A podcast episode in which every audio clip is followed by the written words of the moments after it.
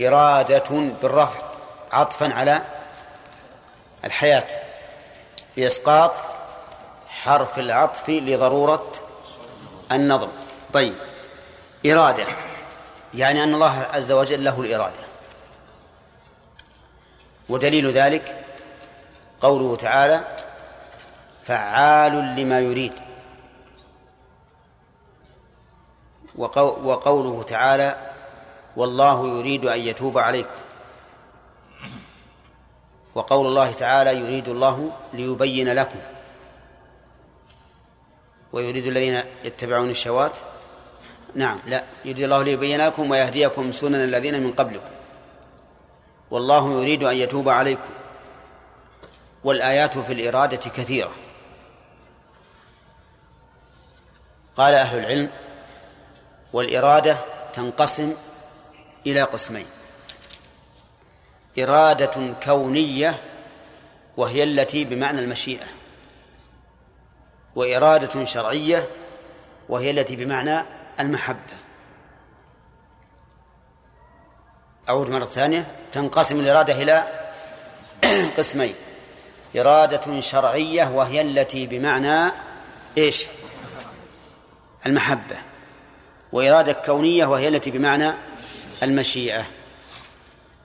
طيب. المثال قوله تعالى والله يريد أن يتوب عليكم. هذه بمعنى المحبة وليست بمعنى المشيئة. لأنها لو كانت بمعنى المشيئة لتاب الله على جميع الناس. لكنها بمعنى المحبة تتعلق بمشيئته. إن شاء تاب وإن شاء لم يتب طيب إرادة بمعنى المشيئة مثل قوله تعالى إن الله يفعل ما يريد. إن الله يفعل ما يريد. أي ما؟ أي ما يشاء. بدليل قوله تعالى في الآية الثانية ويفعل الله ما يشاء. نعم هذه إرادة بمعنى إيش؟ المشيئة. طيب. فالإرادة إذن قسمان كونية وشرعية. إذا قال قائل ما الفرق بينهما من حيث الحكم؟ فالجواب الفرق بينهما من وجهين. الوجه الأول أن الإرادة الكونية يلزم فيها وقوع المراد. الإرادة الكونية يلزم فيها وقوع المراد والإرادة الشرعية لا يلزم فيها وقوع المراد. قد يريد الله الشيء شرعا ولا ولا يقع. طيب الفرق الثاني الإرادة الشرعية لا تكون إلا فيما يحبه الله. والإرادة الكونية تكون فيما يحبه وما لا يحبه.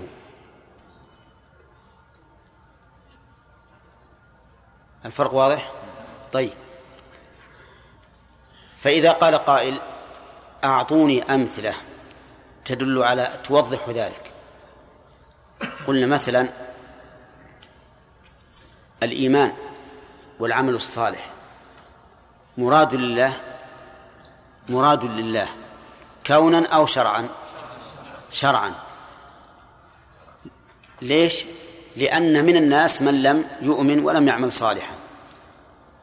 ولو كان مرادا لله كونا وقدرا ها للزم أن يعمل الناس كل أن يؤمن الناس كلهم ويعملوا صالحا. طيب إذا قال قائل الكفر الواقع من بني آدم هل هو مراد لله؟ ها مراد كونا لا شرعا. مراد كونا لا شرعا. مراد كونا لأنه واقع وكل شيء يقع فهو مراد لله عز وجل. إنما أمره إذا أراد شيئا أن يقول له كن فيكون. فهو مراد كونا غير مراد شرعا لأن الله لا يريد من عباده الكفر وإنما يريد منهم الإيمان. طيب نمثل بالأشخاص. إذا قال قائل ما تقولون في كفر أبي جهل؟ اصبر يا أخي. نعم.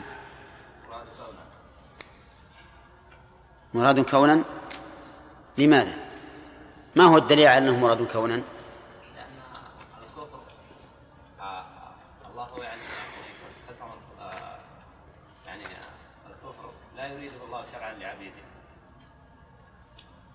لكن ما دليلك على أنه مراد كونا؟ أنا لست أسأل ما دليلك أنه لا يراد شرعا. أنا أقول ما هو الدليل على أنه مراد كونا.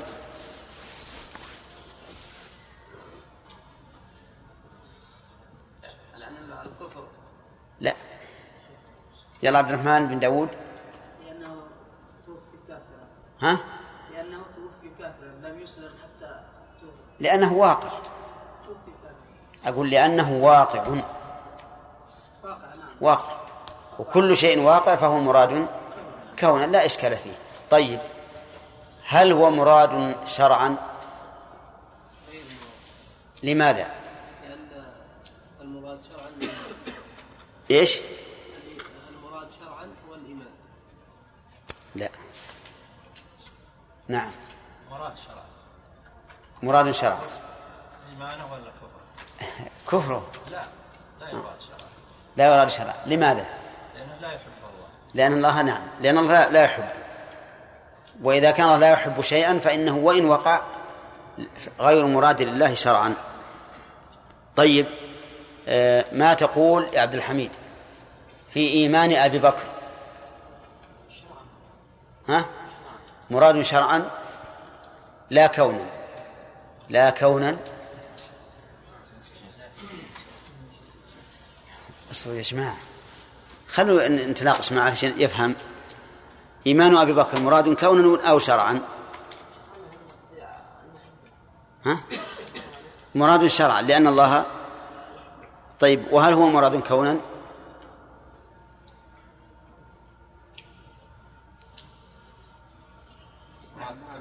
ها؟ مراد كونه الدليل لأنه واقع. ما سمعت عبد الحميد؟ كل شيء واقع فهو مراد كونا أي أي شيء كان. وإيمان أبي بكر ها؟ واقع. إذن هو مراد كونا لوقوعه. مراد شرعا لأنه محبوب إلى الله عز وجل. طيب إيمان أبي لهب يا أخ. أي نعم. إيمان أبي لهب. يعني تقديرا. أصبر يا لكن تقديرا آه. إيمان أبي لهب ليس مرادا لا كونا ولا شرعا توافقون على هذا؟ لا ما يوافقون ها مراد شرعا لا كونا مراد شرعا لا كونا طيب علل لماذا كان مرادا كونا؟ غير مراد كونا آه. غير مراد كونا لماذا؟ لم يقع.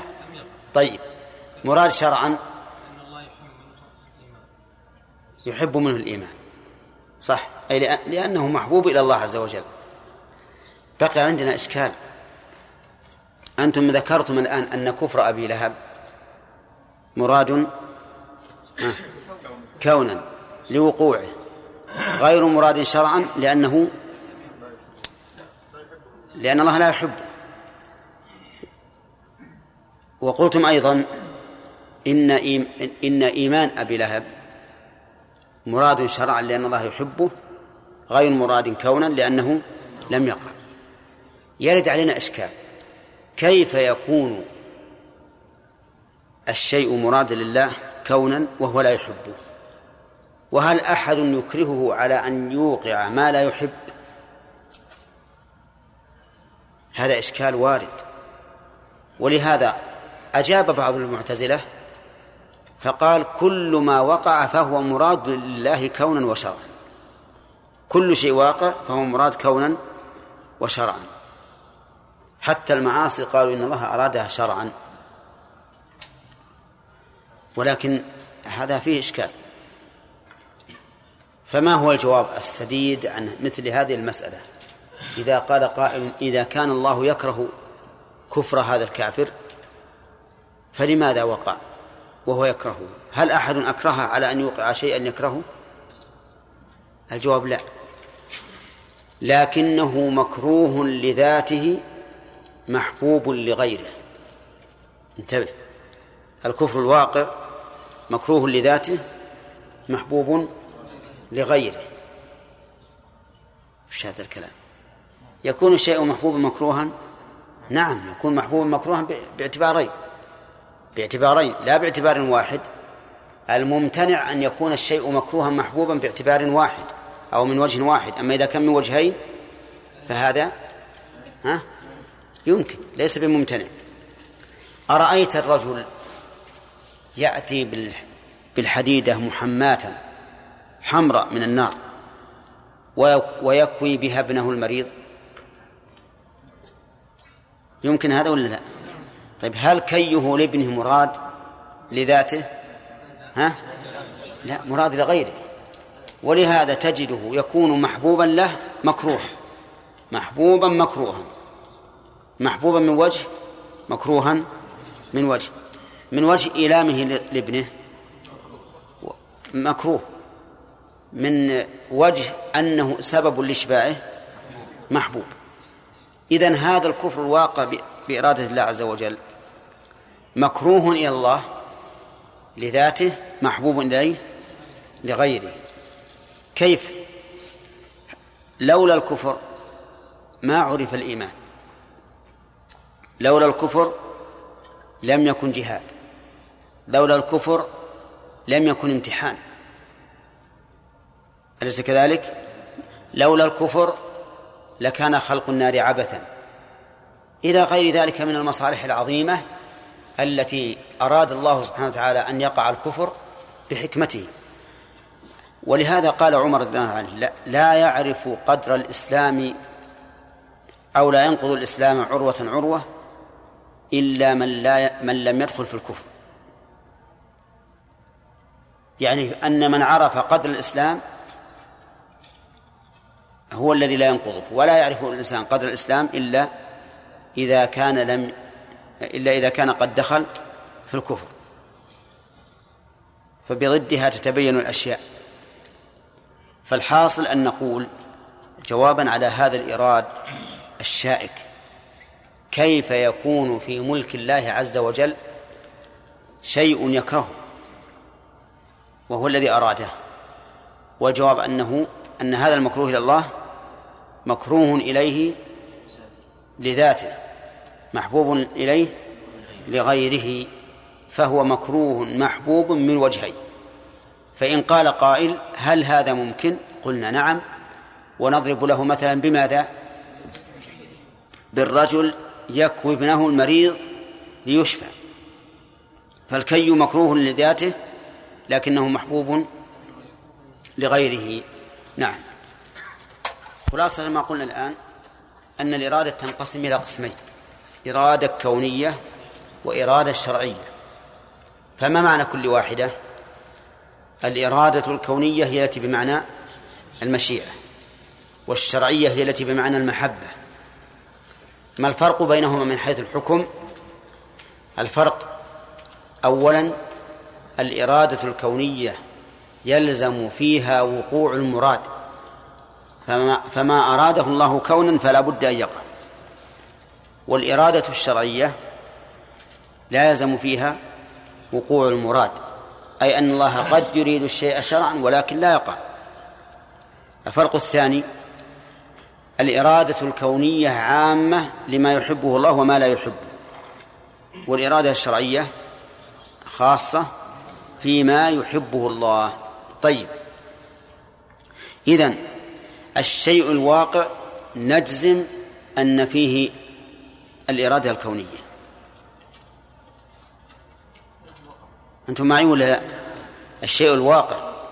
نجزم أن فيه الإرادة الكونية لأنه واقع. ولكن هل فيه الإرادة الشرعية؟ ننظر. لا نقول لا ولا نعم ننظر. إن كان هذا الواقع مما يحبه الله ففيه الإرادتان الكونية والشرعية. وإن كان مما لا يحب ففيه الإرادة الكونية وليس فيه الإرادة الشرعية. تمام ولا لا؟ طيب.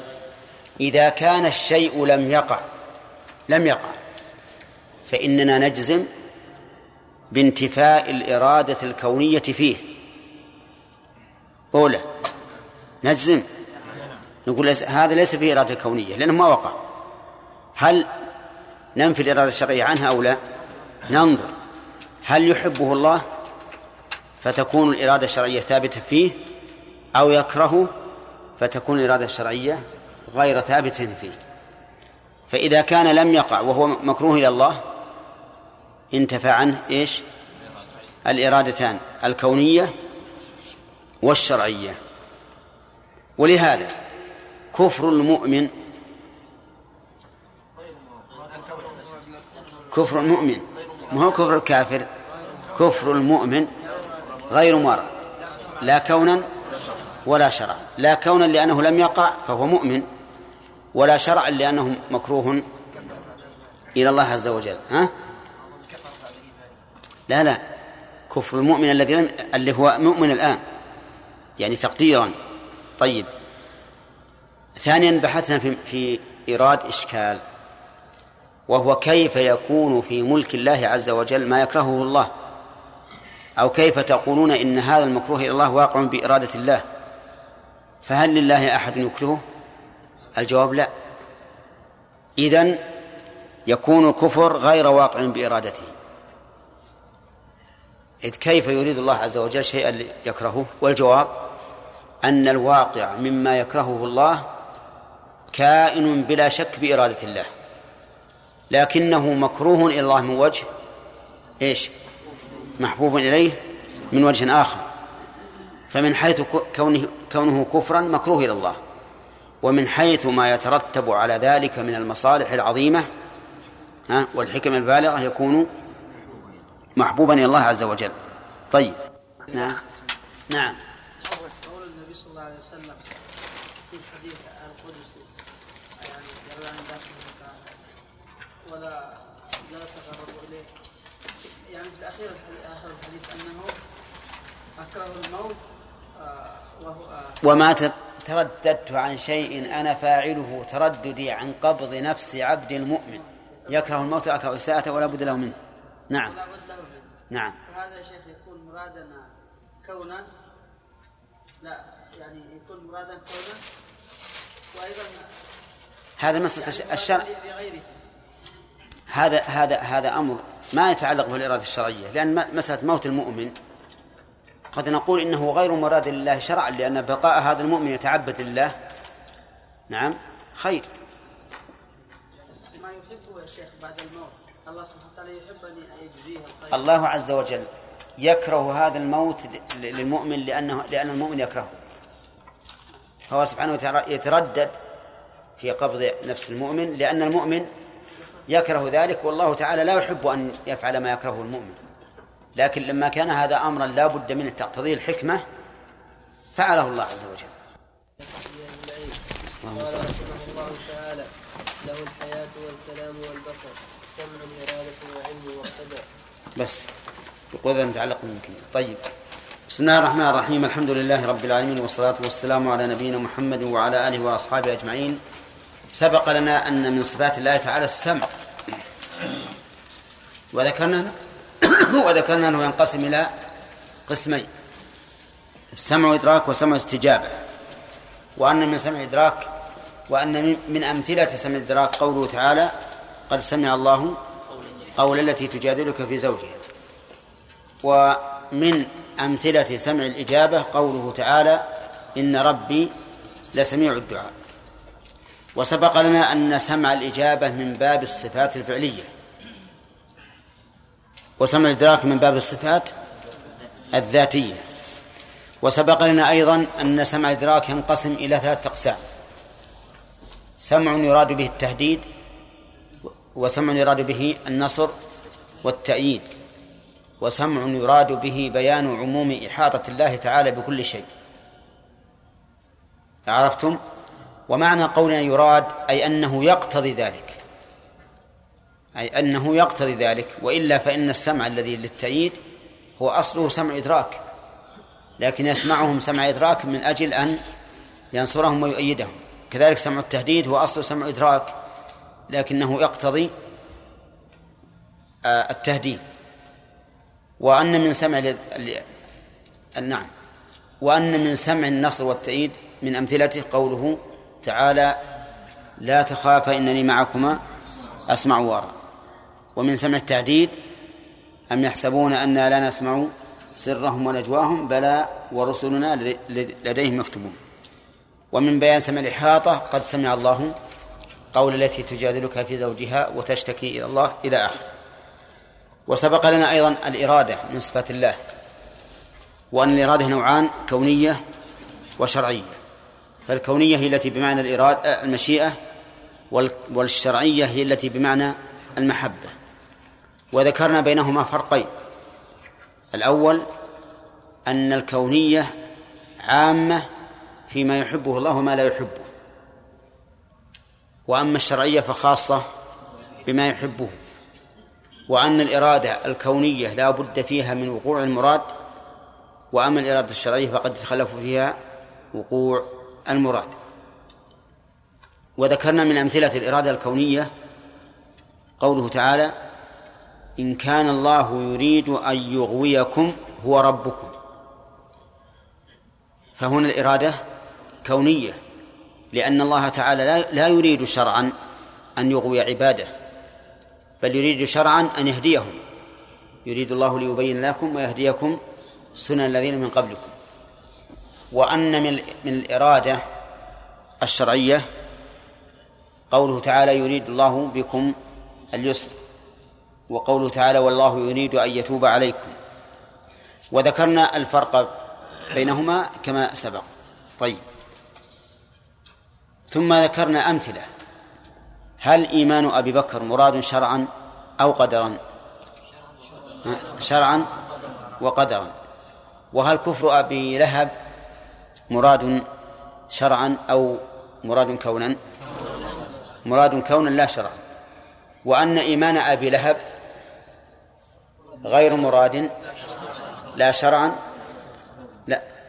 وأن كفر وأن كفر أبي لهب الله أكبر. وأن كفر أبي لهب مراد كونا لا شرعا. طيب. وأن كفر أبي بكر. غير مراد كونا ولا شرعا. والأحسن أن لا نقول كفر أبي بكر. أن نقول وأن كفر المؤمن حال إيمانه.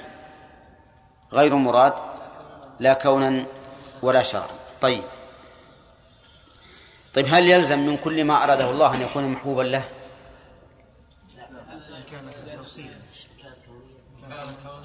ها؟ هل يلزم من كل ما أراده الله ووقع أن يكون محبوبا له؟ لا. فالكفر مثل واقع بإرادة الله الكونية وليس محبوبا له. صح؟ وأوردنا على هذا سؤالا وقلنا كيف يريد الله عز وجل؟ ما يكره؟ وأجبنا عن ذلك بأن ما يكرهه الله مراد لغيره لا لذاته. فمن أجل ما يترتب عليه من المصالح يكون مرادا لله ومن أجل ذاته يكون مكروها لله. وذكرنا أن هذا ممكن عقلا بضرب مثل لرجل يكوي ابنه بالنار من أجل أن يشفى من المرض وكي ابنه بالنار غير مراد له لذاته لكن من أجل إيش؟ من أجل أن يشفى. وهكذا الله عز وجل يوقع في عباده ما يكرهه لكن من أجل مصلحة أخرى أعظم من إيقاعه. وأظن أن بعضكم سأل عن قوله تعالى ما ترددت ما ترددت عن شيء أنا فاعله. ترددي عن قبض نفس عبد المؤمن يكره الموت وأكره إساءته ولا بد له منه. وقلنا هذا مما يكرهه الله. نعم يكره الله شرعا ولا كونا؟ كونا. لكنه يوقعه عز وجل لما لما له من المصالح العظيمة. فإنه لا بد من الموت حتى يجازى الإنسان بعمله إن خيرا فخير وإن شرا فشر. طيب. ثم قال المؤلف وعلم. أي من صفات الله تعالى العلم. والعلم صفة كمال. ولهذا يتمدح به الإنسان ويكره أن يوصف بضده. لو قلت لشخص يا جاهل وأنت من أعلم الناس قال لك الجاهل أنت. لأنه يرى أن وصفه بالجهل عيب وقدح. فلو جاء مثلا رجل من أعلم الناس وقال لآخر يا جاهل كيف تعمل هذا العمل؟ قال الجاهل أنت مع أنه من ها من أعلم الناس. لكنه لما سبه رد عليه مسبته. فالعلم صفة كمال بلا شك وعلم الله عز وجل شامل لكل شيء حاضرا مستقبلا ماضيا. قال الله سبحانه وتعالى لتعلموا أن الله على كل شيء قدير وأن الله قد أحاط بكل شيء علما. وقال تعالى عن الملائكة ربنا وسعت كل شيء رحمة وعلما. وقال تعالى وهو بكل شيء عليم. وكذلك أيضا علم الله تعالى محيط بكل شيء تفصيلا. قال الله تعالى وعنده مفاتح الغيب لا يعلمها إلا هو ويعلم ما في البر والبحر وما تسقط من ورقة إلا يعلمها ولا حبة في ظلمات الأرض ولا رطب ولا يابس إلا في كتاب مبين. وعلمه سبحانه وتعالى شامل لما يتعلق بفعله وما يتعلق بفعل عباده. قال الله تعالى ولقد خلقنا الإنسان ونعلم ما توسوس به نفسه وقال تعالى والله عليم بذات الصدور وقال الله بما تعملون عليم فعلم الله شامل لكل ما يعمله العبد. واضح يا جماعة؟ إذن علم الله ثابت له بالكتاب والسنة وإجماع المسلمين والنظر الصحيح. الكتاب ما أكثر الآيات التي تصف الله بالعلم والسنة كذلك مملوءة بما يدل على أن الله تعالى بكل شيء عليم كما في حديث الاستخارة وغيره. وإجماع المسلمين ثابت بأن الله بكل شيء عليم. والنظر الصحيح يدل عليه لقول الله تعالى مستدلا على علمه بدلالة عقلية ألا يعلم من خلق وهو اللطيف الخبير. فالخالق لا بد أن يكون عالما بمخلوقه وعالما بخلقه كيف يخلق؟ فالعلم دل عليه الكتاب والسنة والإجماع. مش بعد؟ والعقل. جملة وتفصيلا. طيب ثم قال واقتدر بقدرة تعلقت بممكن يعني من صفات الله تعالى القدرة. وقال اقتدر من باب المبالغة أبلغ من قدر. فإنها اقتدر تدل على صفة ذاتية لازمة. قال الله تعالى إن المتقين في جنات ونهر في مقعد صدق عند مليك مقتدر. وقال تعالى إن الله على كل شيء قدير. والآيات في هذا كثيرة. وقدرة الله تعالى قدرة مقرونة بالقوة فهو القوي القادر. نعم بخلاف المخلوق فقد فإن قدرته محدودة وقد تكون قدرة بقوة وقد تكون قدرة بلا قوة. نعم. لكن المؤلف قيد قيد القدرة قال تعلقت بممكن. تعلقت بممكن. وتعلقت بالواجب أيضا. نعم بالواجب من باب أولى. تعلقت بالمستحيل؟ لا لأن المستحيل ليس بشيء. فضلا عن أن يكون مقدورا عليه. لكن المستحيل الذي يتصور الذهن أنه مستحيل مستحيل لذاته. مستحيل لذاته ومستحيل لغيره. أما المستحيل لذاته فهو مستحيل. لا يمكن لو لو أن أحدا أراد أن يقول هل الله قادر على أن يخلق مثله لقلنا هذا؟ مستحيل. هذا مستحيل. لكن الله قادر على أن يخلق خلقا أعظم من الخلق الذي نعلمه الآن. ونحن نعلم الآن من المخلوق أن أعظم مخلوق نعلمه هو ها؟ لا. العرش. العرش أعظم من, من كل شيء من المخلوقات التي نعلمها. ومع ذلك نعلم أن الله قادر على أن يخلق أعظم من العرش. واضح؟ لكن الشيء المستحيل لذاته هذا غير مست... غير ممكن. نعلم أنه يستحيل في العادة مو لذاته أنه لا يقع خسوف القمر في أول الشهر. هذا مستحيل. حسب إيش؟ حسب العادة.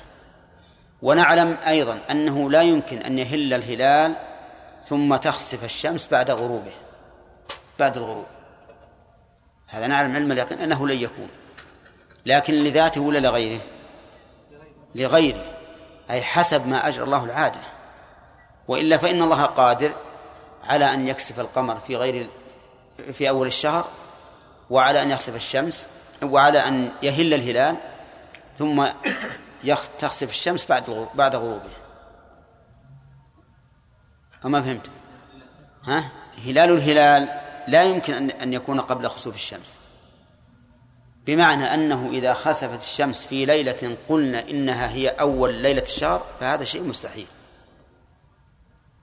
لأن من المعلوم أن كسوف الشمس سببه الذي جعله الله سببا كونيا حيلولة القمر بين الشمس والأرض. وحيلولة القمر بين الشمس والأرض يمنع أن أن يكون أن يهل الهلال قبل الخسوف لأنه إذا هل الهلال قبل الخسوف لا يمكن أن يتعد أن يتجاوز ثم يحول بين الشمس والأرض. لأن المعلوم أن القمر يتأخر عن الشمس. كلام هذا معلوم ولا غير معلوم؟ ها؟ ما أدري عنه. طيب ما هو سبب الخسوف الذي جعله الله سببا للخسوف في العادة؟ حيلولة القمر بين الشمس وبين الأرض. إذن الشمس سبقت في هذا الحال ولا ما سبقت؟ لا إله إلا الله. كيف سبقت يا ياسر؟ ما سبقت. لا أبدا. هذا القمر وهذه الشمس وهذه الأرض. الأرض هذا مثلا. وهذه القمر وهذه الشمس. الآن حالت بينه وبين حال بينها وبين الأرض. هل سبقته ولا لا؟ لو سبقت ما ما ما ما صار خسوف وإذا هل الهلال لازم أن تكون الشمس؟ ها؟ قد سبقت الهلال. لأن الهلال لا يكون هلالا إلا بعد غروب الشمس. وإذا كانت الشمس قد سبقت هل يمكن الخسوف؟ لا يمكن أبدا. لأن القمر ما يمكن بعد ما أنه تأخر عن الشمس يذهب بسرعة حتى يكون تحتها. هذا مستحيل.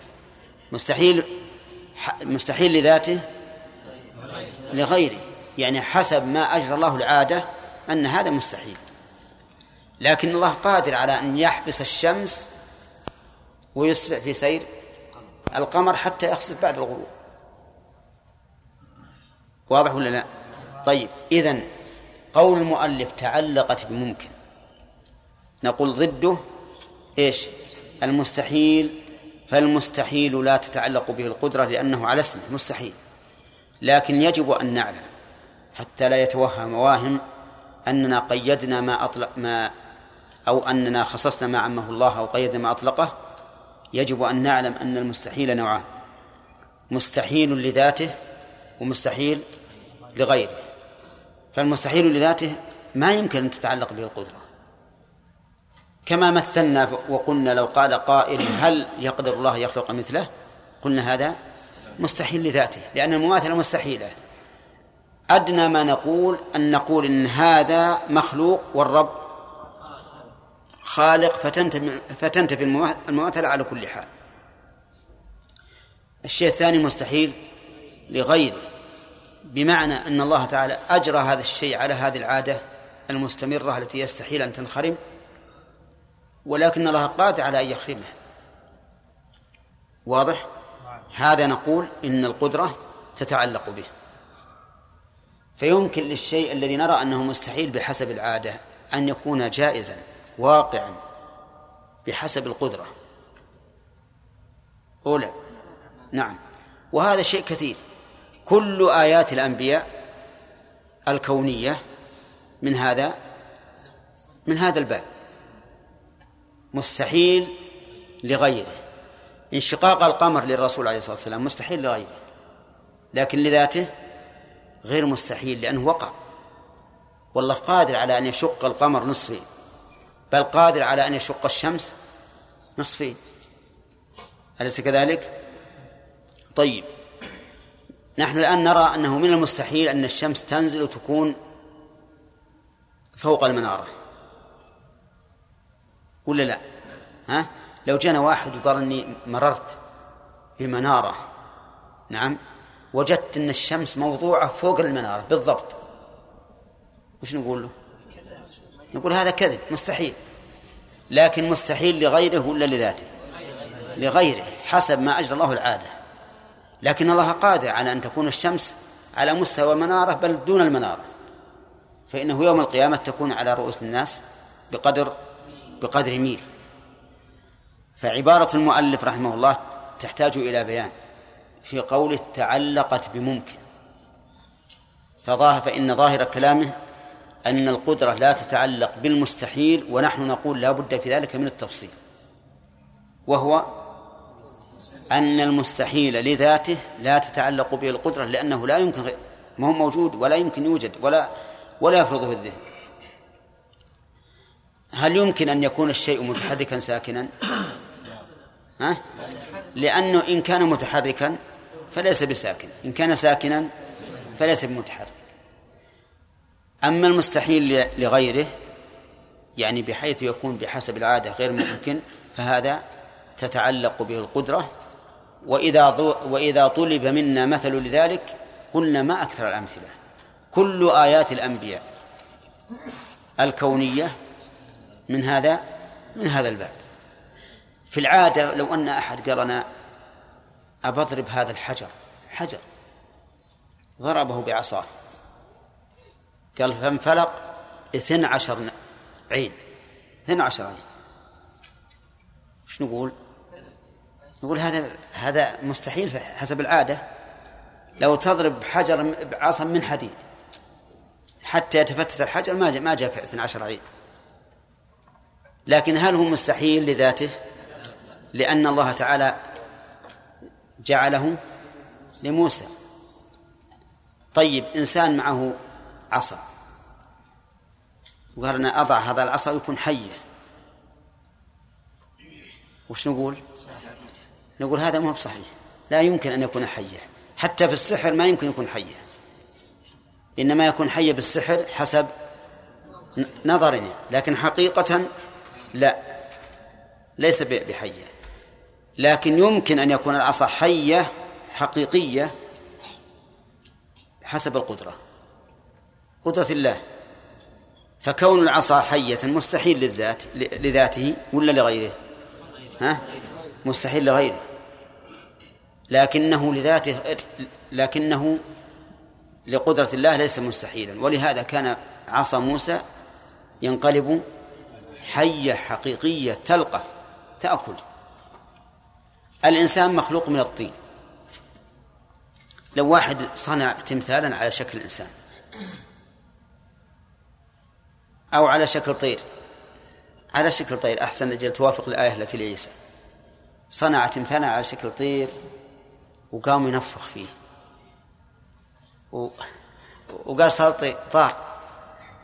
نصدقه؟ لأن هذا مستحيل حسب العادة.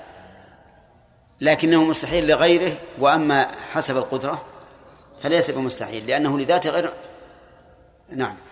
لو ولهذا جعله الله آية لعيسى يخلق تمثالا على شكل الطير ثم ينفخ فيه فيطير. عرفتم الآن؟ طيب. ونقتصر على هذا لأنه انتهى الوقت.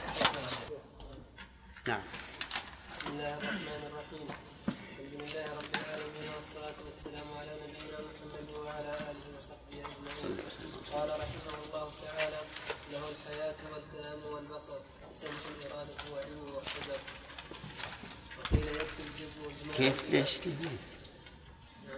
لا بقدرة تعلقت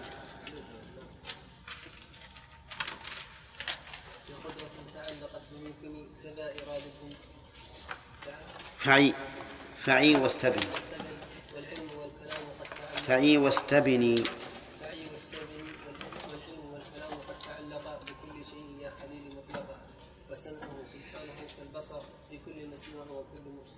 بسم الله الرحمن الرحيم. لما بين المؤلف رحمه الله هذه الصفات السبع وهي الحياة والعلم والقدرة والسمع والبصر والإرادة والكلام. بين متعلقات هذه الصفات. فنقول أولا الحياة. ما ذكر المؤلف لها متعلق؟ وسيأتي إن شاء الله أنه لا, متعلق لها لأنها لا تتعدى. القدرة يقول المؤلف بقدرة تعلقت بممكن. كذا إرادة فعي واستبني. سبق لنا أن قوله بممكن يخرج به المستحيل. وذكرنا أن المستحيل نوعان. مستحيل لذاته ومستحيل لغيره. فالمستحيل لذاته نعم لا تتعلق به القدرة لأنه مستحيل. ومثلنا لذلك بكون الشيء متحركا ساكنا في آن واحد. هذا مستحيل. لأنه إن تحرك نعم فليس بساكن.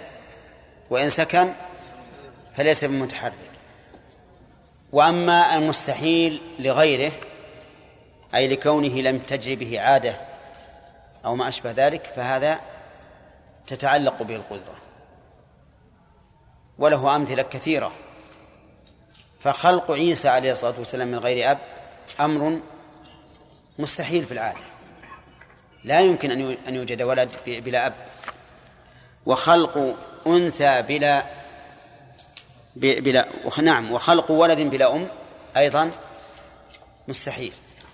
ولد بلا أم مستحيل في العادة. ما من ولد إلا له أم. ولكن في حواء صار لها أب وليس لها أم. طيب. آه، كذلك أيضا يستحيل في العادة أن يوجد ولد أو أن يوجد بشر بلا أم ولا أب. فلو جاءنا رجل وقال أبشروا بماذا؟ قال وجدت ولدا نابتا في السطح ماذا نقول له؟ ها؟ نقول هذا مجنون. لا يمكن أن يكون هكذا. ولكنه ولكن هذا مستحيل لغيره. لو شاء الله أن يخلقه لخلقه. أليس الناس إذا دفنوا في القبور؟ فإن الأرض تأكل أجسامهم كلها إلا عجب الذنب. ومع ذلك يتكون من هذا التراب يتكون آدم بشر. وآدم عليه الصلاة والسلام كان خلق من الطين. وهذا مستحيل لغيره حسب العادة ولكن الله قادر عليه. قال كذا إرادة. يعني كذلك الإرادة تتعلق بالممكن. أما المستحيل فلا يمكن. المستحيل. فالمستحيل. لذاته لا يمكن أن يريده الله. لأن هذه الإرادة عبث. والله منزه عن العبث. لو قال قائل مثلا إن الله يريد هذا الشيء يكون متحركا ساكنا. فالجواب لا لا يريد هذا.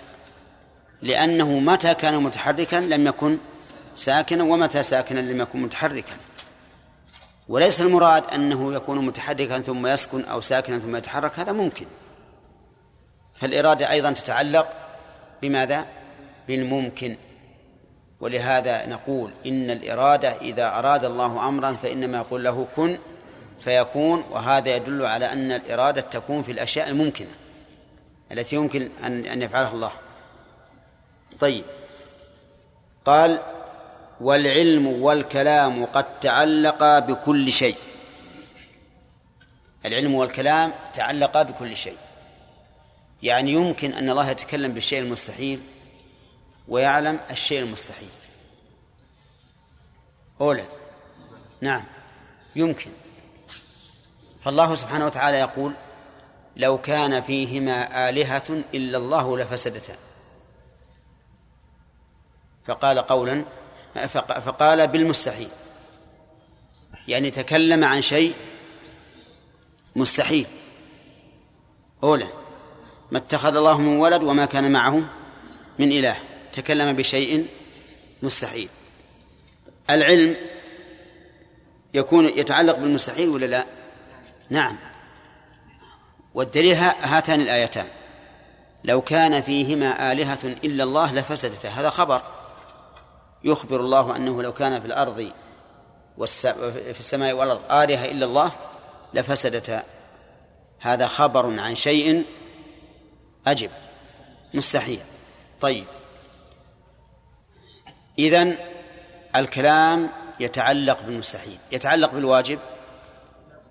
نعم. من باب أولى. فالله تعالى يتكلم بالشيء الواجب. ومما تكلم به من الأمور الواجبة أن الله واحد لا شريك له.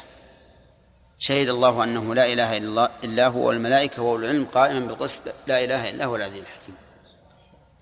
العلم أيضا تعلق بالماضي والمستقبل والحاضر لأن الله بكل شيء عليم. كل شيء فالله عليم به. ثم قال المؤلف رحمه الله وسمعه وسمعه سبحانه كالبصر بكل مسموع وكل مبصر. إذن السمع يتعلق بالمسموعات لا بكل شيء فلا يتعلق بالمرئيات. ما يقال سمع الله فلانا أي نظر إليه. إنما يتعلق السمع بماذا؟ بالمس... بالمسموعات. والبصر بالمبصرات. الأفعال من شأن البصر ولا من شأن السمع؟ أفعال الإنسان. ها؟ من شأن البصر لأن الفعل يرى. الفعل يرى ولا يسمع. اللي يسمع ما هو بالفعل يعني حركة الفاعل مثلا. الشيء الأقوال من متعلقات السمع ولا البصر؟ ها؟ السمع. إذن الأفعال من متعلقات البصر والأقوال من متعلقات السمع. ولهذا قال وسمعه سبحانه كالبصر بكل مسموع كالأقوال وكل مبصر إيش؟ كالأفعال. نعم. وش بقي من الصفات السبع؟ ها؟ بقي واحدة وهي الحياة. الحياة لا تتعلق بشيء. بائن عن الله عز وجل. لأن الحياة وصف لازم لذاته لا تتعدى لغيره. فلهذا لم يذكر له المؤلف متعلقا. فهذه سبع صفات ذكرها المؤلف. ولكن إذا قال قائل لماذا لم يذكر غيره؟ فالجواب أنها هي الصفات التي اتفق عليها. السلف وأهل التأويل من الأشعرية ونحوهم. فلهذا خصها المؤلف بالذكر لأنها محل اتفاق. أما أما السلف فيثبتون لله تعالى أكثر من هذه الصفات أكثر من سبع صفات أكثر من سبعين صفة يثبتونها لله. يثبتون لله كل ما وصف به نفسه من الحياة والعلم والقدرة والسمع والبصر والإرادة والكلام والحفظ والرضا والغضب وغير ذلك مما وصف الله به نفسه لكن الأشاعرة لا يثبتون إلا هذه الصفات السبع فقط لماذا؟ قالوا لأن هذه الصفات السبعة دل عليها العقل فأثبتناها لدلالة العقل عليها. وأما ما سواها فإن العقل لا يدل عليها فيجب أن تؤول يجب أن تؤول. قيل لنا قيل لهم اشرحوا لنا كيف دل عليها العقل. قالوا طيب الإيجاد دل على القدرة. إيجاد الأشياء يدل على قدرة الموجد وهو الله عز وجل. والأشياء موجودة ولا لا؟ ها؟ الأشياء موجودة. فإيجاد الأشياء دليل على القدرة. وإحكام هذه الأشياء إحكامها خلقا وصنعا يدل على العلم. لأن الجاهل لا يحكم الشيء. واضح؟ آه، بقي؟ آه، الإرادة. التخصيص يدل على الإرادة. كيف التخصيص؟ يعني كون هذا ذكر وهذه أنثى وهذا شم وهذه شمس وهذا قمر وهذه أرض وهذا سماء يدل على؟ على الإرادة. أراد الله أن يكون السماء سماء فكان. أن تكون الأرض أرضا فكانت. أن يكون الإنسان إنسانا فكان. أن تكون البعير بعيرا فكانت. فالتخصيص يدل على الإرادة. كم هذه من الصفات؟ ثلاث. قالوا وهذه الصفات الثلاث لا تقوم إلا بحي. أي من لازم المتصف بهذه الصفات الثلاث أن يكون حيا. فنثبت الحياة. فتكون الصفات الآن أربعا. ثم يقولون إذا ثبت أنه حي فإما أن يتصف بالسمع والبصر والكلام أو بضد ذلك. وضد ذلك ممتنع لأن ضد السمع الخرس ضد السمع الصمم وضد الكلام الخرس وضد البصر العمى. وهذه الصفات صفات عيب. لا يمكن أن يتصف بها الخالق. عرفتم؟ طيب. هذا وجه دلالة هذا وجه دلالة العقل على هذه الصفات السبع. طيب. الرحمة. قالوا ما في رحمة. الرضا. ما في رضا. الحكمة ما في حكمة. الوجه ما في وجه. اليدان ما في يدان. كيف؟ قال نعم. لأن هذه الصفات لا يدل عليها العقل. هذه الصفات لا يدل عليها العقل. وإذا لم يدل عليها العقل فإنه لا يمكن أن نثبتها لله عز وجل. عرفتم الآن؟ طيب. كيف نجيبهم؟ نجيبهم بثلاثة أجوبة. أولا أن الرجوع إلى العقل في هذه الأمور باطل. باطل شرعا وعقلا. الرجوع إلى العقل في هذه الأمور باطل شرعا وعقلا. أما الشرع فقال الله تعالى ولا تقف ما ليس لك به علم. قل إنما حرم ربي الفواحش ما ظهر منها وما بطن والإثم والبغي بغير الحق وأن تشركوا بالله ما لم ينزل به سلطانا وأن تقولوا على الله ما لا تعلمون. وأما بطلانه عقلا فلأن هذه الأمور من الأشياء التي تتلقى بالخبر. تتلقى بالخبر. لأن الخالق عز وجل ليس كمثل الخلق. فلا يجوز عليه ما يجوز عليهم ولا يمتنع عليه ما يمتنع عليهم ولا يجب له ما يجب لهم. فهو مخالف للخلق. وإذا كان مخالفا للخلق فهل يحكم الخلق عليه بعقولهم؟ الجواب لا. كيف تحكم؟ لا شاهدت الله ولا شاهدت نظير الله فكيف تحكم عليه بالعقل؟ فكان فيها فكان في الشرع والعقل ما يبطل الاعتماد على العقل في هذه الأمور. ثم نقول ثانيا. هب أن العقل لا يدل على سوى هذه الصفات السبع. لا يدل على سوى هذه الصفات السبع. فقد دل عليها الشرع. فقد دل عليها الشرع. وتعدد الدليل جائز. عقلا وواقعا. فإذا انتفى أحد الدليلين ثبت المدلول بإيش؟ بالدليل الآخر. لأن انتفاء الدليل المعين لا لا يستلزم انتفاء المدلول. فقد يكون للمدلول دليل آخر غير الدليل الذي انتفى. فإذا فرضنا جدلا أن أن العقل لا يدل على هذه الصفات فإن الشرع دل عليها. وإذا دل عليها وجب إثباتها بدلالة الشرع. لأن الشيء قد يكون له أكثر ها أكثر من دليل. فإذا انتفى الدليل المعين قام الدليل الثاني مقامه. لأن الأشياء لأن بعض الأشياء تتعدد أدلته. الوجه الثالث أن نقول إننا يمكننا أن نثبت بالعقل ما نفيتم أن العقل دال عليه.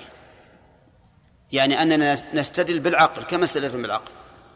ونقول ما نفيتموه قد دل عليه العقل. قد دل عليه العقل. مثال ذلك هذه النعم التي نشاهدها. وهذه النقم التي تندفع عنا مع وجود أسبابها. تدل على إيش؟ على الرحمة ولا على الغلظة؟ على الرحمة. فنزول المطر من آثار الرحمة ونبات الأرض من آثار الرحمة والنوم والراحة من آثار الرحمة. والعلم والرزق من آثار الرحمة. كل ما بنا من نعمة فهي من آثار الرحمة. ودلالة هذه الأشياء على الرحمة عقلا أوضح وأبين من دلالة التخصيص على الإرادة. لأن دلالة هذه الأشياء على الرحمة واضحة للعام والعالم. ودلالة التخصيص على الإرادة لا يفهمها إلا إلا إلا شخص عالم. يمكن أنتم الآن لولا أنكم عرفتم ذلك من من كتب أهل العلم ما عرفتم كيف تستدلون بالتخصيص على الإرادة. واضح؟ ونقول إثابة الطائعين إثابة الطائعين وتعلية منازلهم. دليل على إيش؟ على الرضا عنهم ولا على الكراهة لهم؟ على الرضا عنهم. لأنه لو كرههم لعاقبهم. وانتقامه سبحانه وتعالى من المجرمين وش يدل عليه؟ على الغضب. فلما آسفونا انتقمنا منهم. فالمهم أن ما ذكروه ما ذكروا أن العقل لا يدل عليه فإنه يمكننا أن نثبته نحن بدلالة إيش؟ لا بدلالة العقل. وحينئذ نجيبهم بثلاثة أجوبة. الوجه الأول عيسى. نعم. أن تحكيم العقل في هذه الأمور أمر باطل. ولا نسلم أن العقل يحكم به في هذه الأمور. بل مرجع هذه إلى إيه إلى إلى إلى يعني إلى السمع. طيب. الثاني. نقول إذا سلمنا جدلا أن العقل لم يدل على على غير هذه الصفات السبع وقد دل عليه الشرع. نعم. انتفاء المدلول المعين لا لا يعني انتفاءه مطلقا نعم. لأن الشيء قد يكون له أكثر من دليل. وإذا كذبتم العقل يدل على هذا. نعم. فإن نزول المطر دليل على رحمته وعلو منزلة الصالح على على على رضاه وهكذا. زين. الثالثة نقول يمكن أن نثبت هذه الصفات التي نفيتم أن أنها أن العقل يدل عليها يمكن أن نثبتها بالعقل. إثباتا أوضح من إثباتكم الإرادة بدلالة التخصيص. نعم. إذا قال قال إن- أن نزول أن نزول المطر وتعلية منازل الصالحين وجعل الكفار في النار أن هذا من علمه من كمال علمه. نعم. أنه من من من علمه أن يجعل هؤلاء في الجنة وهؤلاء في النار وينزل المطر وينزل العقاب. ما في شك. هو دال على العلم ودال على القدرة. ودل على الرضا. بس يقول يقول دل على العلم. أما الباقي فلأن لا, لا حد لنا. كيف ما يدل عليه؟ إذا إذا إذا اشتملت عليه العلم إيه. نقول لما الرحمة الرحمة فهي مشكوك فيه فندخل في العلم. غير مشكوك فيها واضح. هل الذي يعطيك النعم ويربيك بها ويدفع عنك النقم هل هل هذا من رحمته ولا من من غضبه وانتقامه؟ الرجل الرجل اذا اذا إذا شكر ولده إذا عمل له ولده عملا ثم أعطاه إيش يدل عليه؟ على الرحمة على رضاه بذلك ولا على غضبه؟ على الرضا. والله ما أعتقد أنك يا ياسر اذا إذا جاء ولدك مثلا وقضى حاجتك تبطش به ضربا. نعم؟ ولا إذا عاندك وعقك تهدي إليه الهدايا. ولا ما في شيء نعم. أحسن الله إليكم. ذكرنا حين بينا المستحيل بذاته قلنا كخلق الله مثله. نعم. كل شيخ التمثيل بهذا المثال يا شيخ. نعم. وش فيه؟ يعني أقول يا شيخ. هذا مشهور عند العلماء. التمثيل بخلق الله. اي يعني لو قال قائل هل يقدر الله أن يخلق مثله؟ ما في شيء. إحنا مثلناه للمستحيل ما هو بالجائز. اي ما هو بالجائز. يعني ما هو بهذا إقرار بأن الله يخلق مثله. هذا إنكار بأن الله يخلق مثله. لكن شيخ لو نترك هذا المثال ونمثل دائما الحركة والسكون. ما هو لازم ما هو بلازم. نعم. الله سبحانه وتعالى قادر على كل شيء فان يستطيع غيره إي نعم. هذه هذه مشهورة يعني حتى ابن القيم رحمه الله ذكره في مفتاح دار السعادة وغيره. وذكر أن الشيطان جاء للعابد. جاء للعابد لما قال جنود الشيطان للشيطان ليش إنك تفرح بموت العالم أكثر مما تفرح بموت العابد؟ والعابد يتعبد الله دائما ليل ونهار. قال لأن هذا أضر عليه. العالم أضر عليه من من العابد. وضرب لهم مثال قال تعال نروح نمشي. جاءوا للعابد قالوا له يا, يا, يا أيها الرجل هل يستطيع الله أن يخلق مثله؟ قال كيف؟ يستطيع. الله على كل شيء قدير. شوف حكم واستدل المسكين. جهل مركب. قالوا طيب هل يستطيع الله أن يجعل السماوات والأرض كلها في قشر بيضة؟ قال اعوذ بالله هذا ما يجوز. ما يست... ما يمكن هذا. مستحيل. وراحوا للعالم وقالوا سألوا هذا السؤال. قال أما الأول فهذا مستحيل. ولا يمكن. أما الثاني فإن الله قادر على أن يكبر هذا الغشر ويصغر السماوات والأرض وتكون السماوات والأرض في غشر في غشر البيضاء. أما نعم أما أما يجعل السماوات والأرض بحالتها الحاضرة في قشر بيضة في حالة الحاضرة فهذا من المستحيل اللي ما تعلق به القدرة أصلا. نعم. وعلى آله وأصحابه أجمعين. قال المؤلف لكنها في الحق توقيفية. آه، على أي شيء يعود الضمير في لكنها؟ الأسماء. وقوله في الحق وش المعنى؟ أي نعم. والقول الحق. لأن بعض العلماء يقول ليست توقيفية بل هي قياسية والصحيح أنها توقيفية. طيب. ما معنى التوقيف يا شاكر؟ نعم. من إثبات أو نفي. طيب. يقول المؤلف لنا بذا أدلة وفية. اذكر منها دليلا واحدا يا إمداد الله.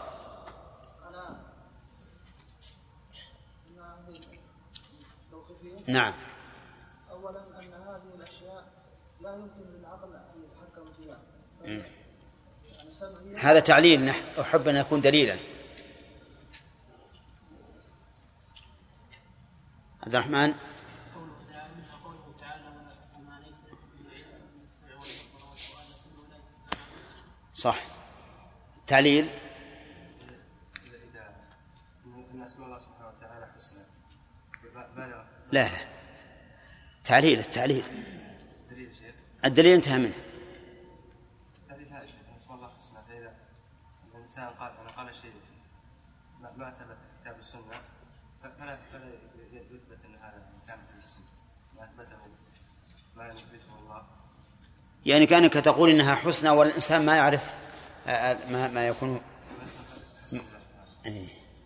صح هذا؟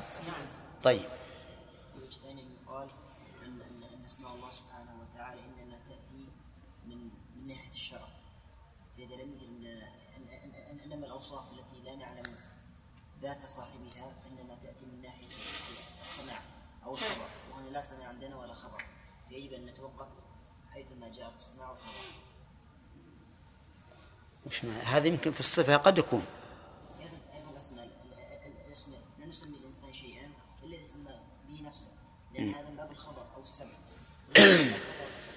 طيب. لا يرضى ان يسمي احدا بغير اسمه نعم. فاذا كان هذا لا يرضاه المخلوق سبحانه وتعالى فهو اولى ان لا يسمى بغير ما سمى به نفسه طيب. يقول المؤلف له الحياة والكلام والبصر إلى آخره كم صفة ذكر في هذا البيت؟ نعم سبع. عدها.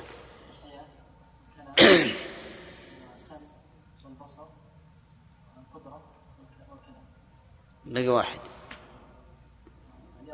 الإرادة. لماذا نص على هذه الصفات السبع؟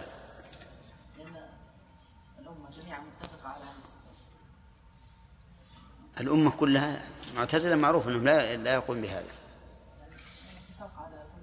اتفاق السلف والأشاعرة عليها. طيب. لماذا أثبتها الأشاعرة؟ فهد دون غيرها من الصفات؟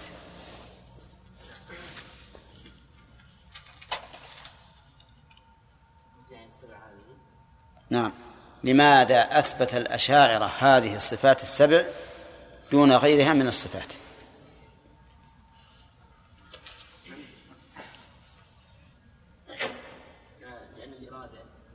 لا نبي كلام عام تعليل عام. لا يا أخي. نعم. نعم. قالوا ذلك أثبتوا هذه السبع لأن العقل يدل عليها دون غيرها على زعمهم لأن العقل يدل عليها غير دون عليها دون غيرها. كيف دلالة العقل عليها؟ سبيل نعم. نعم. نعم. وهذه الصفات الثلاث لا تقوم إلا بحي. نعم. لا ما هو على كل حال. في عندنا واحد حي ولا يشوف. أعمى. حي أصم هذه صفات كمال والحي إما أن يكون بالسمع والبصر والكلام أو بضد ذلك وضدها نقص فوجب ثبوت هذه له أن يتصف بالسمع والبصر والكلام. واضح؟ ولا مو واضح؟ طيب. بماذا نجيبهم أو بماذا نرد عليهم؟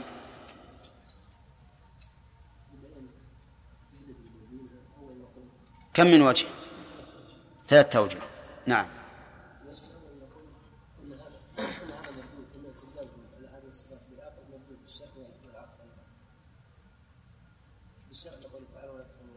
اصبر. أن الاستدلال بالعقل على هذه الأشياء مردود؟ ها. أن الاعتماد على العقل في إثبات ما يثبت لله وينفع عنه مردود. طيب. هذا نقول إن ما نفيت ما من العقل تمام. سمعتم وفهمتم كلامه؟ ها؟ يقول أولا أن الاعتماد على العقل فيما فيما يثبت الله أو ينفع عنه باطل بدلالة الكتاب والسنة والعقل. والثاني ها؟ أن أننا لو فرضنا أن العقل لا يدل عليها فإن السمع يدل عليها فتثبت بالسمع. وانتفاء الدليل المعين الذي هو العقل عندكم على ما نفيتم لا يستلزم انتفاء المدلول لجواز أن يثبت بغيره. الثالث أننا نقول يمكن أن نثبت ما نفيتموه بالعقل ونستدل عليه بالعقل. دلالة أوضح من دلالتكم أنتم على ما أثبتتم. ها؟ وما هو؟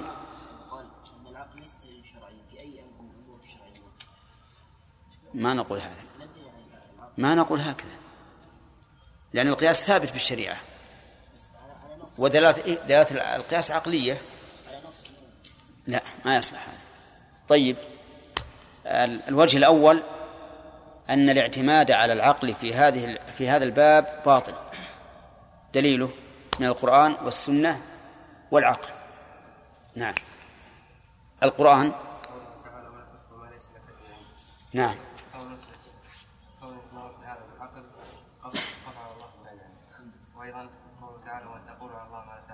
إنما حرم رب ربي الفواحش ما ظهر منه وما بطن إلى قوله. طيب هذا واحد. فدل ذلك على أن المرجع في هذا إلى السمع الوجه الثاني من السنة. ها؟ على أنه لا يمكن إثبات ال- إثبات لا يمكن الاعتماد على العقل فيما يثبت وينفى لله. ها؟ طيب يعني الدليل الثاني قصدك. طيب ما هو؟ ان انتفاء الدليل المعين لا يستلزم فاذا فاذا لم يمكن اثباتها في العقل فقد دل السمع عنه. هذه الأد- هذه الصفات التي يثبتها بالعقل. نقول قد دل السمع عنه. سمعتم كلامه؟ ها؟ أنا أردت شيئا لكن يقول إن أنا أنا أريد أن أجيب بشيء آخر. فقلت يجب بما بما تعرف. فقال إن إن انتفاء الدليل المعين لا يستلزم انتفاء المدلول. لكن لا بد أن نشرح معنى هذا. نقول إذا قدرنا أن العقل لا يدل على ما نفيتم فإن السمع قد دل عليه وانتفاء دلالة العقل عليه لا يلزم منه انتفاؤه لجواز لأن انتفاء الدليل المعين لا يستلزم انتفاء المدلول لجواز أن يثبت إيش؟ بدليل آخر. فهب أن العقل ما دل عليه فقد دل عليه السمع فليكن ثابتا من قال في القران برايه يتلوه قال من النار مم. دليل على ان هذه التاويلات الغير موجوده في الله سبحانه وتعالى والخال ليس في يد الله هذا من هذا من اتباع تفسير القران بالاراء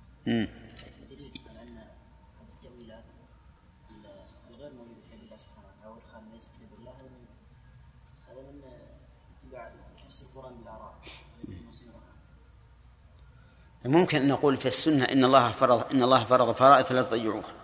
وحد حدودا فلا تعتدوها. ومن فرائض الله أن لا نقول على الله ما لا نعلم. نعم. نعم. أو أنزلته في كتابك؟ يعني ما هو دليل واضح لكن لا بأس يعني يم- يمكن يستأنس به. طيب على كل حال الآن نعم.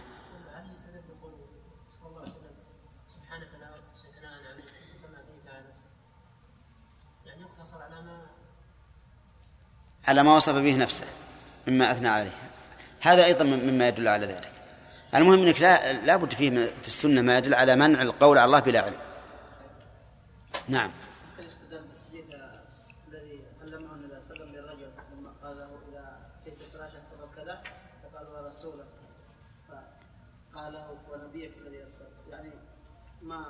يقول لا لا هذا لأن المعنى يختلف.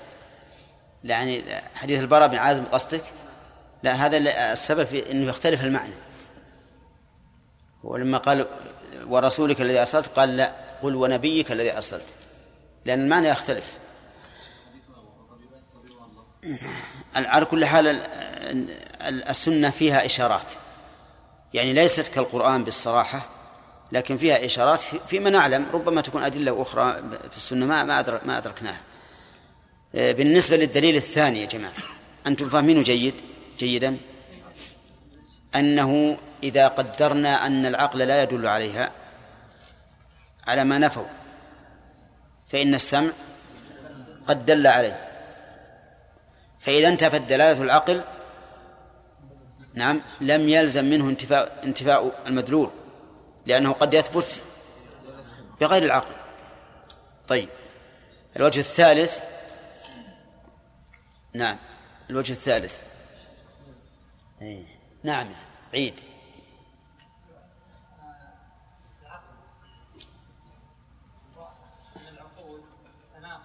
لا لا لا. لا الوجه الثالث من الأدلة. ما هو الوجه الثالث من من بطلان دلالة العقل؟ أو الأخذ بدلالة العقل؟ يا عبد الرحمن داود.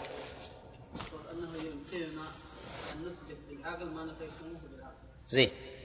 أنه يمكننا أن نثبت بالعقل ما نفيتموه بالعقل وأولى مما مما أثبتموه بالعقل. طيب مثال ذلك إمداد.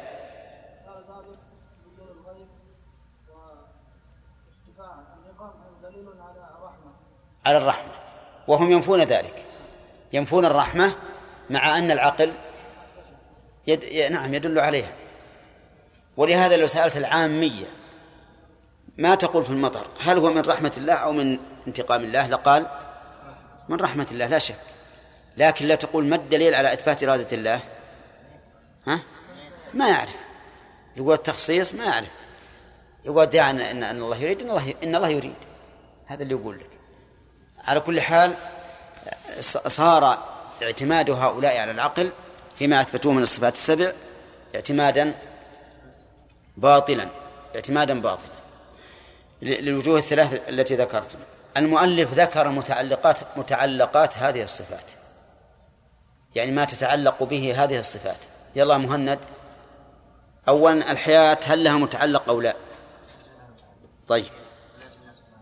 نعم لأنها صفة لازمة. طيب.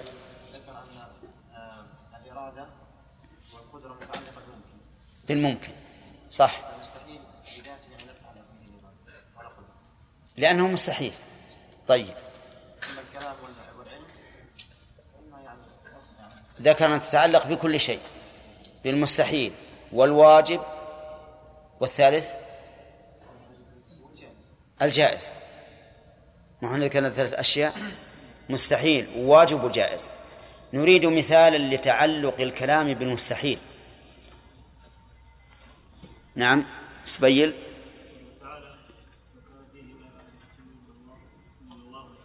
نعم. فإن وجود آلهة آلهة مع الله مستحيل ومع ذلك أخبر الله به. طيب بالواجب؟ بالواجب. غير المستحيل. نعم. طيب واضح حاط لنا مثال واحد كلام الله عز وجل ما تبليغ شرعه إلى عباده هذا تعلق كان بالواجب لأن تبليغ العباد العباد واجب لا تكون الناس على ها؟ آه. يعني كل ما أخبر الله به عن صفاته فهو واجب. حياته واجبة كلامه واجب. طيب. ولهذا ال- الأخ خالد يعني لوضوح هذا الشيء ما استطاع أن يعبر عنه لأن الشيء الواضح ما يحتاج إلى توضيح. طيب. تعلق تعلق كلام الله بالجائز. بالجائز. ها. ها. ما تعطينا خبر. إي نعم. طيب زين. تحدث الله عن المخلوقات كله تحدث عن شيء جائز ممكن. يعني يمكن عدمه ويمكن وجوده. العلم متعلق أيضا بكل شيء يعلم عز وجل الواجب والممكن والمستحيل. السمع والبصر هل يتعلق بالمعدوم هل يتعلقان بالمعدوم؟ هل يتعلق السمع والبصر بالمعدوم؟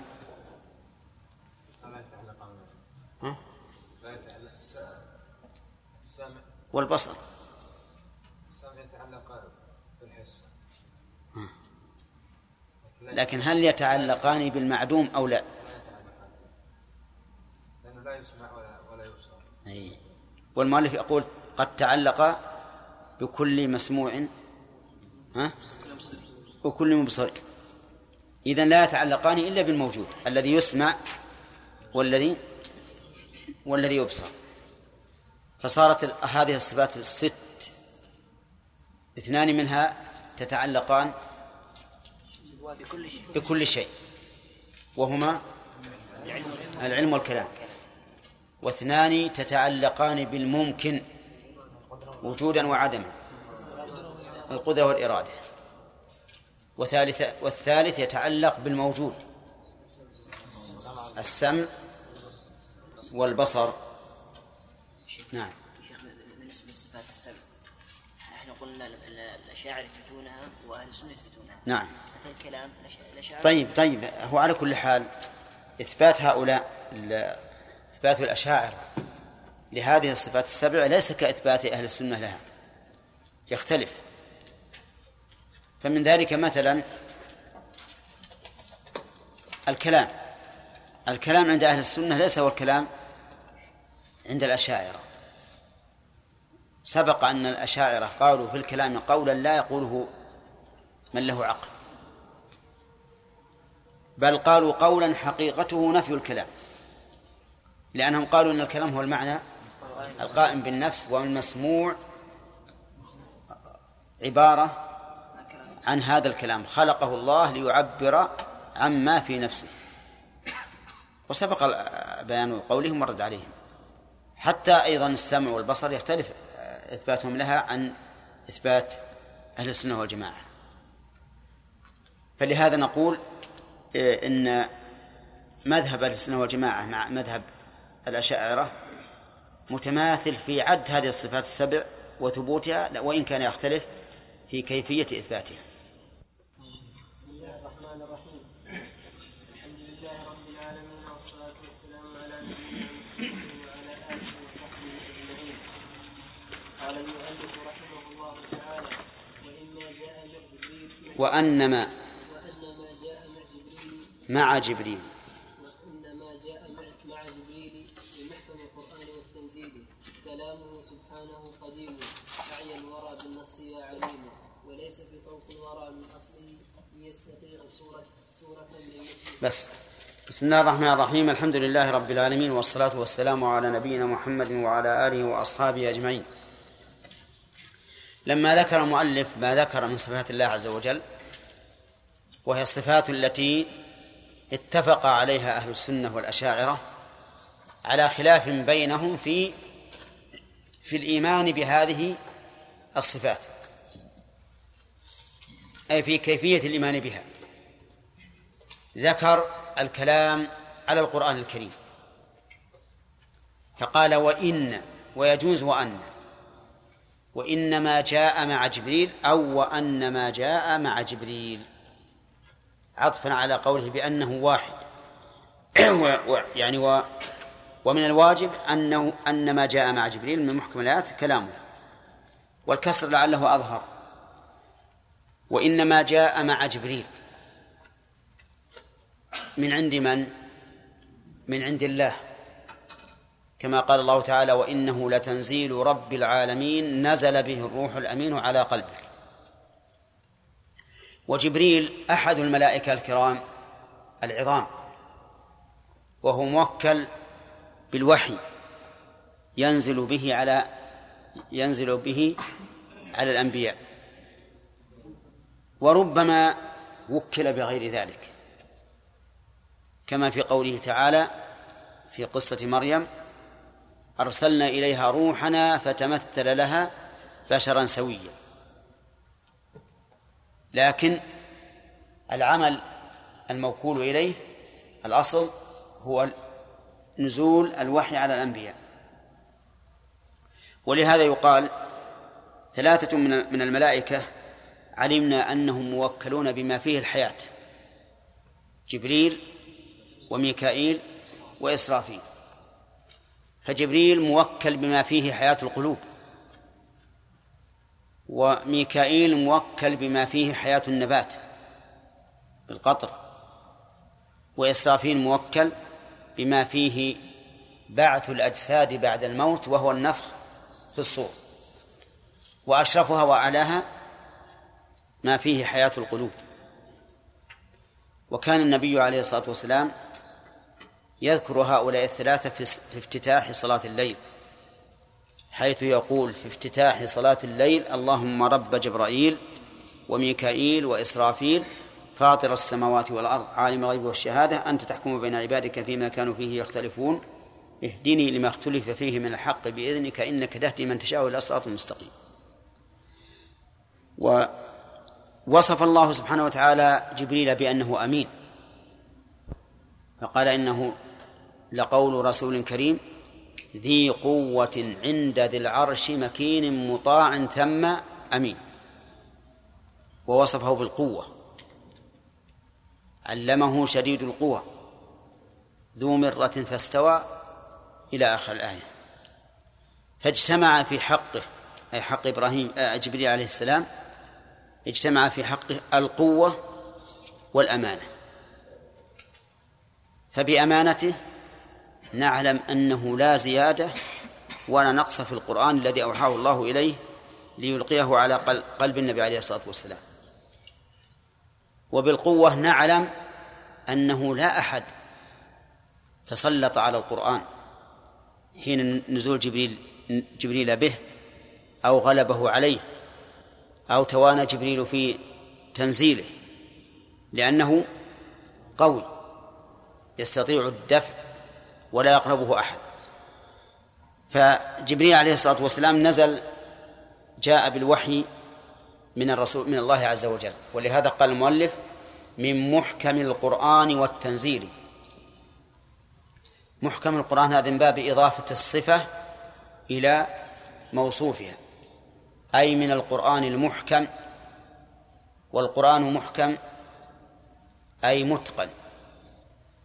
متقن من كل وجه. أخباره محكمة ليس فيها كذب. أحكامه محكمة ليس فيها جور. دلالاته أو مدلولاته محكمة ليس فيها تناقض.